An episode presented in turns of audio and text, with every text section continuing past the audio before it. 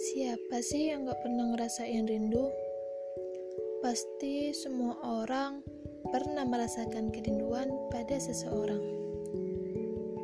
Seperti halnya aku, sekarang yang sedang merindukanmu. Aku rindu ketika kita pernah bertukar cerita, bertukar pendapat, bahkan melakukan hal konyol bersama sampai membuat kita tertawa. Tapi sayangnya aku malu. Aku malu untuk mengutarakannya kepadamu bahwa aku sangat merindukanmu. Aku malu karena aku takut. Takut jika nantinya hanya aku saja. Hanya aku saja yang merindukanmu. Sedangkan kamu, kamu tidak merindukanku sama sekali.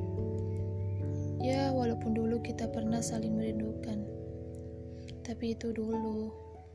Dulu sebelum kau tiba-tiba berusaha menghindar dariku. Entah, sampai sekarang aku tak tahu apa alasanmu menghindar. Atau mungkin karena diriku melakukan sebuah kesalahan yang sampai membuatmu terluka. Ataukah kamu memang sengaja menghindar karena menemukan seseorang yang baru, orang yang bisa membuatmu lebih nyaman dariku. Ya intinya sih aku rindu kamu, tapi aku gengsi untuk mengatakannya. Jadi, aku utarakan rindu ini lewat podcast ini. Ya walaupun aku tahu kau tak akan pernah mendengarkannya.